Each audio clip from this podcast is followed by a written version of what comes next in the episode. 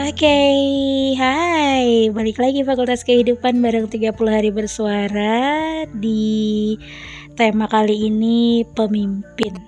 Hmm, aku udah lama sih sebenarnya mau ngulas ini uh, mungkin nggak nggak banyak yang mau aku tarakan tapi lebih kepada kayak pemimpin tuh ngaruh banget sih sama kinerja kita kalau kita masih uh, bekerja ya khususnya di bawah naungan orang lain.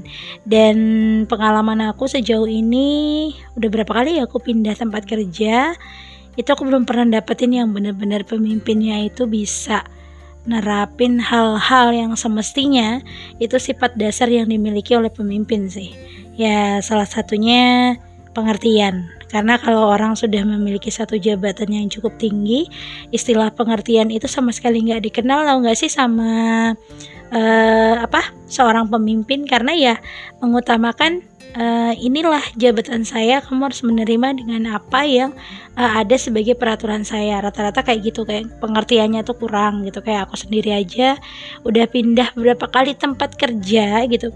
Aku bener-bener belum nemuin sih sosok pemimpin yang benar-benar bisa ngerti kondisi bawahannya gitu. Uh, entah itu dalam kondisi kesehatan finansial atau dan yang lain-lain tuh nggak masuk jadi kriteria kayaknya. Lebih kayak kepada yang penting gue tahu lo anak buah gue lo harus kerja di sini gitu. Kebanyakannya kayak gitu. Dan satu lagi uh, ketegasan ya. Aku rada ah, gimana sih sentimental kalau pemimpin itu nggak bisa bersikap tegas sama artian adil kepada satu dua orang uh, bawahannya ataupun rekan kerjanya gitu. Jadi nampak banget sih sifat kepemimpinannya tuh emang beneran nggak ada. Karena versinya aku sendiri aku naruh beberapa kriteria sebagai seorang pemimpin yang notabene bisa ya bisa dijadikan panutan. Selain itu bisa diandalkan itu pasti ada yang namanya sifat adil bijaksana nggak pelin-pelan ya jujur gitu atau lebih tepatnya tuh mengutamakan kepentingan untuk bersama dibanding kepentingan uh, diri sendiri. Tapi kebanyakan yang sekarang kita lihat itu kan kalau pemimpin rata-rata ya gitu ya, apa yang dimau sama beliau itulah yang jadi uh, urusan utama di uh, urusan utama semua gitu. Padahal kalau kita tilik lagi ke belakang, pemimpin itu harusnya mengedepankan orang lain ketimbang dirinya sendiri gitu kayak misalnya mau meminta izin satu dan lain hal itu aja harus riweh dan ribet banget. Sekelas pemimpin yang mestinya asal alasannya jelas dan tepat kan wajar pasti diberi yang namanya uh, apa izin gitu dalam dalam uh, menunda atau tidak melakukan karena memang mungkin nggak sanggup. Nah sih kan gitu. Cuman ya itu tadi balik lagi yang namanya pemimpin itu pasti lebih mengutamakan jabatan saya tinggi jadi kenapa harus saya yang ngalah gitu. Aku belum benar-benar sih bisa ngelihat uh, sosok pemimpin yang bener-bener ngerti, adil, bisa naruh peraturan dengan baik kayak pelin-pelan di dalam satu ruang lingkup belum nemu gitu. Kalaupun nemu itu misal kriteria pemimpin idaman misal ada lima nih.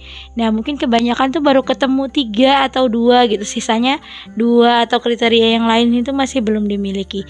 Ya balik lagi sih setiap orang nggak ada yang sempurna kan. Cuman kalau kalian sudah siap jadi tampu posisi sebagai seorang pemimpin mau nggak mau siap nggak siap ya harus tetap belajar gitu.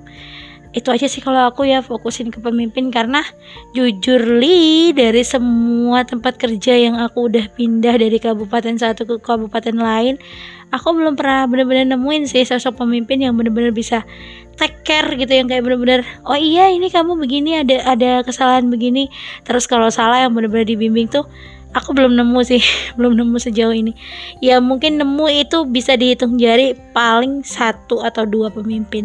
Sisanya masih kayak ego ego dan ego terus mengedepankan bahwa iya ini jabatan yang saya punya jadi anda harus mengikuti seperti maunya saya.